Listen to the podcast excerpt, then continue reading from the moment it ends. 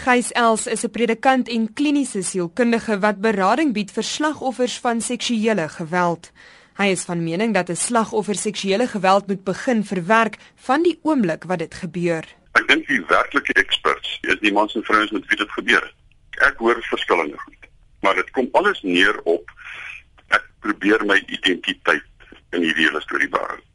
Wat nou gebeur met my, kan nie wie ek is reg wegvat. Om oor die ervaring te praat is volgens Els sleutel tot die verwerking daarvan. Die blote feit dat 'n mens nou hier sit en daaroor praat, wys dat jy 'n oorlewer is.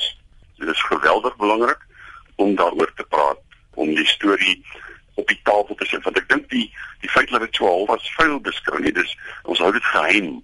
Die mense moet nie weet nie en ek dink dit help die probleem om dit geheim te hou. So as ons dit in die oop te bring, dan kan ons oor die saak praat en ons kan dit uitwys as iets wat geweld aan 'n ander mens gedoen het teen sy of haar sin. Hy waarsku egter dat om met iemand te praat wat die slagoffer die skuld gee vir die seksuele geweld net so goed soos 'n verdere verkrachting is. Iemand wat gaan vir jou vertel jy jou skuld of uh, jy het gesoek daarvoor of die eerste vraag wat hulle vir jou vra is wat het jy aangegaan en sulke dinge wat maak asof dit die oorlewer se skuld. Hy is 'n voorstander van berading en professionele sielkundige hulp, maar hy dink ondersteuningsgroepe waar ervarings gedeel word, is die sleutel tot genesing. Om jou eie identiteit te versterk is ook volgens hom 'n manier van selfhelp. As 'n mens net in 'n kringetjie sit en kom agter daar's 'n paar ander dit ook gebeur het, dan is dit al 'n groot stuk genesing. El sê slagoffers moet die wilsbesluit neem om op hulle eie positiewe karaktereienskappe te fokus. Wees ek wat kon hy nie van my al wegvat nie.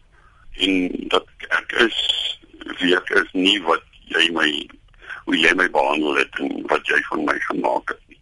Hy sê berading vir die familie wat 'n slagoffer moet ondersteun is ook belangrik, ongeag of die oortreder 'n lid van die familie was.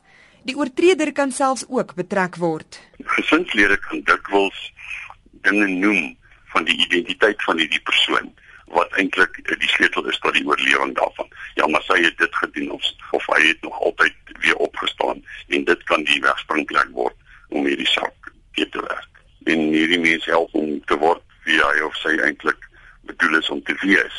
Ek dink inderdaad eh, oortreders behoort meer gewerk te word om hierdie saak raak te sien sodat daar dalk ook minstens uh, vergifnis voorgevra kan word en en dat die mense wat dit aangedoen is ook kan hoor dit, dit was nie hulle skuld nie. Dan is daar ook mense wat met 'n skuldgevoel saamleef omdat hulle bewus was van 'n seksuele oortreding, maar niks gedoen het om dit te keer nie.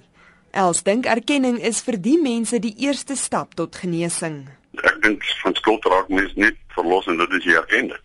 Jy bely dat jy vra vergifnis daarvoor. So ek dink 'n mens moet erken en vir die mense gaan sê, hoorie, ek erken, ek het geweet en ek het niks gedoen nie vergewe my asseblief. En dan sou 'n mens kon sê, nou goed, wat kan ek nou doen wat sal help? Hy sê egter die slagoffer se behoeftes moet steeds altyd eerste gestel word. Uit 'n sielkundige oogpunt sê hy seksuele geweld word gedryf deur 'n behoefte aan mag. Die oortreder probeer sy slagoffer ontmagtig.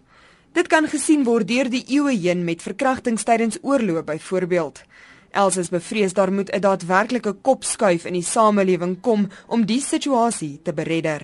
Mans wat dink hulle is regtig mans omdat hulle geweld kan gebruik of uh, seksuele mag of ekonomiese of genoem wat of fisiese mag. En ons sien dit ongelukkig so wyd versprei in ons samelewing. Uh, en ek dink dit is aan die wortel van die saak is. Hoekom doen hy dit want hy kan? Ek dink die hart van die samelewing moet verander. Gys Els, 'n kliniese sielkundige en predikant wat berading bied aan slagoffers van geweld. As jy 'n slagoffer is en jy het onmiddellik hulp nodig, skakel Lifeline by 0861 322 322 vir telefoniese berading.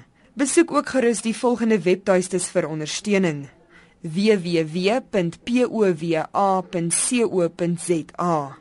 www.speakout.org.za www.aftersilence.org en rapecrisis.org.za Ek is Henry Wondergem in Johannesburg